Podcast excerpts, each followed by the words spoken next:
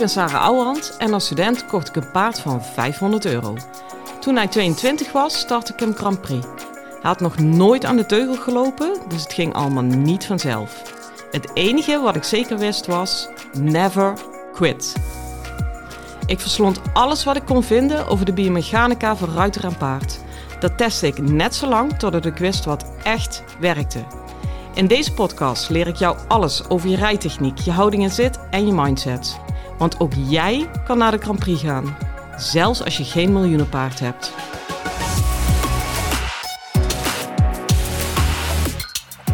Hey lieve paardenmensen. Nou, ik zit uh, wederom in mijn autootje te wachten tot mijn paard onder zijn magneetveldtherapie deken vandaan komt. Uh, nou, dus alle tijd voor jullie. Het blijft een beetje een investering qua tijd, maar ik blijf er zo belachelijk veel vruchten van plukken van die deken. Um, ja, ik zou zeggen, try it. Je kunt kijken bij Magna Care.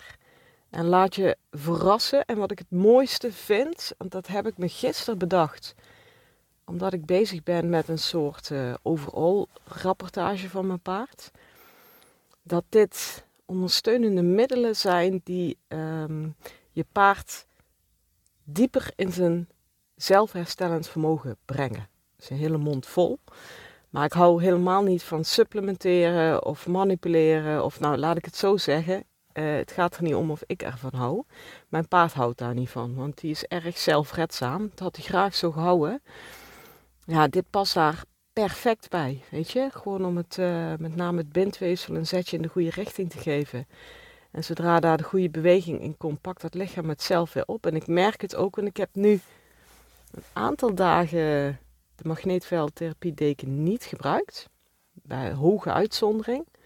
Ja, en het is dan ook niet dat hij een terugval krijgt of zo. Op een gegeven moment, ja, wat ik zeg, als je dat lichaam op gang helpt om goed in het herstel te komen, ja, dan pakt het het zelf op. Ja, ik, ik vind het prachtig. Anyway, daar zit ik dus nu op te wachten.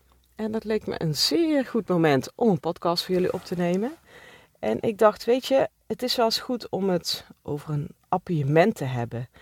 Um, niet in de laatste plaats, omdat zeker naar rechts ik daar zelf ook nog een beetje in het zoeken ben.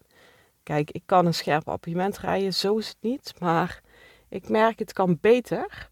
En dat maakt meteen weer dat ik dat appiëment helemaal uit ga pluizen. En ik dacht, ik neem je daar mee. Want uh, ja, je hoeft er maar iets aan te hebben, zoals ze dat zeggen. En luister eens even goed vanuit de gedachte uh, hoe het zit voor jou en je paard. Uh, ik heb al eens vaker gezegd hè, dat ik de oefeningen opdeel in deeloefeningetjes. En dat ga ik ook helemaal met appartement doen. Ja, pik eruit wat voor jou klopt. En uh, vooral eigenlijk in dit geval natuurlijk wat voor jou niet klopt. En waar dus je verbeterpunt zit. Kijk, als ik naar een appartement kijk, dan wil ik hem eerst helemaal plat slaan en dan zeg ik een appiëment is travers over de diagonaal. Nou, als je hem zo bekijkt, dan heb je al heel veel gewonnen, vaak hè. Als je namelijk de diagonaal oprijdt en je rijdt travers op de diagonaal, dan blijf je voorwaarts denken.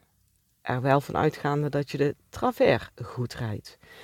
Um, als je denkt, ik rij nu een appartement naar X, dan kun je zomaar in de valkuil trappen. En dat heb ik rechtsom nog steeds een beetje zelf ook. Dat je wat naar binnen gaat zitten wringen. Ja, leuk, want dan wordt die schuin. Maar dan blokkeer je ook de voorwaartse drang. En uh, ja, die lijntjes in de Grand Prix zijn zo scherp. Uh, die moet gewoon overeind blijven. Niet in de laatste plaats om de expressie te onderhouden. Maar ook gewoon, volgens mij, uh, correct me if I'm wrong, zit de travers vanaf M2, hè? Ja. Een hele lange zijde trouwens, slaat echt helemaal nergens op. Maar goed. Uh, ja, als je travers kan, kan je ook appiëren. Dus laten we daar eens even mee beginnen. Uh, dus, de eerste vraag is, hoe ga je de diagonaal op? Anders gezegd, hoe is de inzet van je appiëment? Nou, vaak zie je dus, en dat heb ik gelukkig niet meer, dat kan ook echt niet met die scherpe lijntjes. Maar vaak zie je dus eigenlijk dat ruiters uh, stelling nemen en zichzelf en het paard meteen naar binnen kwakken. Want we moeten schuin naar binnen toe appiëren. Of zichzelf naar buiten kwakken van, en zich eigenlijk vanuit de buitenkant dat paard naar binnen gaan zitten duwen. Maar wat echt een gouden is, is als je eens goed naar die inzet kijkt. Want op het moment dat een paard naar binnen of naar buiten valt in het appiëment, ben je wel zo'n beetje uitgereden. Als je dat nog in het appiëment wil kunnen corrigeren, ja, dan, uh, dan ben je gevorderde ruiter, laat ik het zo zeggen. Dus zoals met alle oefeningen, ook hier weer, het staat of valt met de inzet van de oefening. En als je die goed doet, is het daarna alleen nog maar, tussen aanhalingstekens, onderhouden. Dat is een klusje zat, dus zorg nou dat je hem goed inzet. Nou, wat is de inzet van een appiëment? Die is eigenlijk, heb je weer hè, in theorie heel simpel. Je hebt op een rechte lijn, ga gewoon de lange zijde op en pak linker of rechterstelling, maar dan vrij scherpe linker of rechterstelling. Dat hij echt achter de oren en achter de kaak goed naar rechts of naar links een knikje maakt. Uiteraard terwijl de hals open blijft. En toch rechtdoor loopt. En met rechtdoor bedoel ik dat jij stelling kan nemen, vrij scherp naar binnen of naar buiten, waar je ook naartoe wil appiëren. Zonder dat die schouders meteen volgen. Want dat betekent dus dat hij naar binnen valt. Of zonder dat hij onder je buitenbil gaat hangen of tegen je buitenbeen aan. Want dat betekent dat hij naar buiten valt. Oké? Nou, dat klinkt uh, als een inkoppertje. Ik nodig je uit. Ga het vooral een keer doen. Zelfs als je geen travers rijdt of appiëmenten. Doe dit überhaupt een keer. Um, want je gaat merken, dit is nog niet zo eenvoudig. En het geeft je ook super veel informatie over de rechtgerichtheid van je paard. Uh, ik begin daar standaard mee bij mijn inrijden. Pak eerst een paar voltes en eh, check de linker en de rechterbuiging. En dan wil ik echt wel check, dubbelcheck. En dan zet ik hem op de lange zijde. En dan pak ik in mijn geval een vrij diepe buiging naar links. Terwijl die rechtdoor moet blijven lopen, zowel in schouders als in romp. En dan als gevolg natuurlijk uiteraard de achterhand. En terwijl die geen verandering mag maken in tempo of impuls. Dat is er ook nog één. Vaak zie je als je stelling links-rechts neemt, dat er ergens in het lichaam wel iets verandert. En de ideale wereld is dat dat niet gebeurt. Ja, er verandert wel iets, namelijk natuurlijk wel die buiging, maar niet als in ergens naartoe vallen of impulsverlies. Jongens, ik wens je echt alle goeds met deze inzet. Als dit niet voor elkaar is, ja, wil ik niet. Wat heb ik te willen? Je moet het allemaal zelf weten. Maar in mijn lessen wil ik dan niet hebben dat je gaat appiëren. Want je kunt het uitschrijven. Het wordt hem toch niet. Dus zoek die controle in de goede zin des woords op deze manier op. Oké? Eh, ja, dan kun je natuurlijk daarna, dit is stap 1 hè. Daarna kun je gaan kiezen, ja, hoe ga je het appiëment vertalen? Pak je het echt in als appiëren? Of zet je hem in als travers over de middenlijn? Uiteraard is het uh, resultaat natuurlijk helemaal hetzelfde. Hè? Het is meer van hoe functioneert je hoofd en hoe functioneert jouw lichaam. Ik, in het begin, ik heb best eigenlijk recent en af en toe moet ik nog schakelen. Dat ik dacht, ja, dat travers over de middenlijn, ik, ik zie hem niet, ik voel hem niet, ik snap hem niet. Het, ja, ik snap hem in mijn hoofd wel, maar mijn lichaam bakt er helemaal niks van. Dus laat me zitten, ik ga gewoon appiëren. Nou, prima, doen we het ook voor. En voor sommige mensen is het echt een gouden. Wat wel belangrijk is, of je nou in je hoofd appieert of traveert over de middenlijn, dat is namelijk de volgende, kan je de schouders hoofd-halshouding op één lijn houden. Want vaak ligt de focus helemaal op het zijwaartse en dan krijg je dat gefring en dat geduw. Um, terwijl die gewoon helemaal van de lijn afloopt. Dus wat je vooral moet doen, is je zet hoofd en borst op de letter waar je naartoe rijdt. en leg die letter gewoon vrij schuin of vrij ver van je af. Hè. Je hoeft in het begin niet heel schuin te appiëren. Nou, leg die en, en, en ga dan ehm, als eerste zorgen dat die voorhand op die lijn blijft. En het kan betekenen dat je echt inlevert op zijwaartsheid, op schuinte of hoe je het ook wil zeggen. Maar dat vind ik zeer acceptabel, want als je hem zijwaarts vrot, terwijl je geen controle hebt over die voorhand, dus van die lijn afrijdt, uh, heb je echt, ja, misschien kun je het appiëment noemen, maar eigenlijk heb je geen appiëment. En als je dan straks een keer uitkomt bij een zigzag-appiëment, dat betekent de omslag van de zigzag is gewoon het verplaatsen van de voorhand naar de andere buiging toe. Ja, dan heb je een probleem. Dus niet doen. Beter minder schuin appiëment met controle over de voorhand, terwijl iedereen op de achterhand is gericht, dan schuin terwijl je hem echt in zijn totaliteit opzij vrot. Oké? En dan kom ik bij het punt uit dat het heel fijn is om een appiëment met travers te vergelijken. Omdat als je travers op een lange zijde doet, heb je een heel fijn houvast op de schouders en um, voorhand, want die lopen op de hoefslag. Punt. En als het goed is, kijk je recht naar voren en zet je die borst dan gewoon recht op het einde van die hoek op die hoefslag.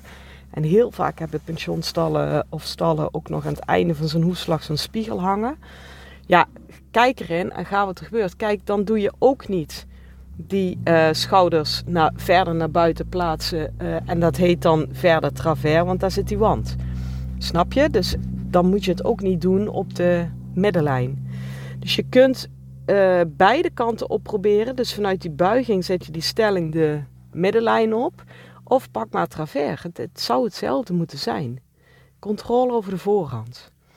En daarna ga je schuinte inzetten. Uiteraard vanuit de achterhand. En dat doe je iedere keer net zo vaak en net zoveel als dat je nog controle over de voorhand kan houden. Want je kunt hem wel opzij jagen, maar als je hem aan de voorkant verliest, ja, kijk in de proef Be My Guest als je er een keer even iets eh, van moet moffelen. Maar als je hem dan in de voorhand verliest, dan heb je toch niks. Dus zo moet je het gaan doen. Je hebt aan die voorkant je controle. Niet dat je hem helemaal vastzet, maar je blijft invloed houden op die schouders. En dan ga je kijken hoe schuin kan ik. En natuurlijk in het begin maar een half hoefje, dan een heel hoefje, anderhalf hoefje. En uiteindelijk pak je hem zo scherp als in de Grand Prix. Um, heb ik dan alles gezegd? Zit ik ineens te denken, want dit klinkt bijna te makkelijk. Ja, dan heb ik alles gezegd, maar dit hele proces behelst wel een aantal weken. Hè? Uh, en natuurlijk raak je tussendoor kwijt. En je komt zelf scheef te zitten en je paard gaat blokken aan de binnenkant. Of je hebt een pulsverlies. En dan is het echt goud om terug te gaan naar deze drie stappen. Stelling en buiging op de rechte lijn. Onderhouden terwijl je wat schuin inzet controle over die voorkant. Oké? Um, wil je het dan nog verbeteren, wat een hele fijne is om het scherper uh, te krijgen, scherper in impuls en scherper in zijwaartsheid. Ja, dan kan je um, gaan schakelen in travers. En dat zou ik echt op de lange zijde doen. Je mag het natuurlijk ook een appiëment doen als je handig bent. Maar zeker in het begin, dat schakelen is echt wel zwaar voor ze. En dan geeft de lange zijde toch nog wat uh, houvast. En dat is hoe, hoe, hij moet het op eigen been doen. Ja, klopt. Behalve als jij bewust kiest om hem wat steun te geven aan die zijkant. Ja, dan is het een probleem. Dus doe dat dan gewoon. En ga dan schakelen interveren. Dat is echt in het begin heel zwaar voor. Want dan moeten ze naar voren toe doorpakken. En dan kunnen ze niet meer gaan hangen in dat schuine. En jij ook niet trouwens. En dan is het in het begin echt wel uh, met horten en stoten en uh, niks niet vloeiends aan. Laat dat gewoon even gebeuren. Uh, ik heb het al gezegd, hè, maar op voorwaarde dat je schoudercontrole houdt. Dat wordt wel vloeiender, dat wordt wel beter. En als je keer daarna opstapt en je zet hem in, voel je vanzelf dat hij wat kracht heeft gewonnen in die schuinte. Want dat is het ook, hè. Ze moeten dan en schuin, dat vraagt dan een andere manier van afzetten in de spieren. Ja, en dan het liefst daar nog met kracht achteraan. Dus dat is twee keer krachttraining. Daar moet je ze ook even de tijd voor geven. Uh, nou, dat is hoe ik dadelijk mijn eigen appiëment weer ga verbeteren. Met name naar rechts toe. Ik weet ook dat in mijn rechterheup dat ik die niet heel makkelijk openzet. Um, ja, laat ik daarmee afsluiten. De kant waar je toe appieert is in je eigen lichaam open. Ook als hij daar doorheen valt. Ga niet zitten knijpen aan die binnenkant. Je moet hem openzetten, want daar moet de deur open. Daar moet de bewegingsenergie naartoe. Dus je hebt echt je hand van de hals af. En als ik naar rechts appieer, je rechterheup open. Ja, en ik weet ook wel dat ze dan in het begin daar doorheen vallen. Dan tik je hem met je onderbeen, onafhankelijk onderbeen, terug. Maar het is nooit niet dat jij je binnenkant dicht gaat zitten knijpen. Want dan heb je wel even iets gewonnen dat hij er niet doorheen valt. Maar je komt in een soort van status quo terecht die niet meer beter wordt. Want je krijgt de impuls en de zijwaartsheid daarna niet meer beter. Lieve luisteraars, ik breek heel even in. Op mijn accommodatie organiseer ik regelmatig workshops, trainingsdagen, masterclasses en noem het allemaal maar op. Alleen die zitten meestal al vol nog voordat ik het op de socials heb gezet. Nou, wil jij daar toch een keer bij zijn? Schrijf je dan even in voor de wachtlijst. Die link daarvan vind je in de show notes. En uh, ik stuur vanzelf alle info van alles wat ik uitvreet op mijn eigen accommodatie. Overigens ook nog meer, want ik stuur regelmatig theorie, aanvullende tips en andere ideeën. Wat ik niet stuur is spam. Dus ben daar alsjeblieft niet bang voor, want daar heb ik zelf een gloeiende hekel aan. Gaat niet gebeuren. Um, en wat mij heel erg leuk lijkt, is dat ik de luisteraars uit de podcast een keer live ontmoet. Dus voel je vrij om je in te schrijven. De link zit in de show notes. Hoi hoi! Nou, dat is mijn valkuil naar rechts. Um, omdat ik weet waar het vandaan komt, hou je vast, omdat mijn linker enkel ooit gebroken is geweest. Dus ik uh, stabiliseer makkelijker op rechts, maar daar ben ik dus ook sterker en daar knijp ik eerder. Dus ik ga mezelf even in mijn nekvel pakken om dat scherp appiëment naar rechts te verbeteren. En ik ga dat ook nog krachtiger maken door te schakelen in travers op de lange zijde. Nou jongens, het zonnetje begint hier te schijnen. Het wordt vandaag 22 graden. Ik ga echt, echt, echt voor de warmte uitrijden. Nou, daar zal ik een andere keer over preken. Maar hou je paard koel, alsjeblieft. Trek alle Jezus graag die dekens er vanaf. En dan wens ik jou een hele mooie dag en veel plezier met je paard. Hoi! Lieve ruiters, dit was hem weer voor vandaag. Waardeer je mijn tips? Geef me sterren op Spotify en iTunes. Dat voelt voor mij als een dankjewel. En geef je paard een knuffel van me.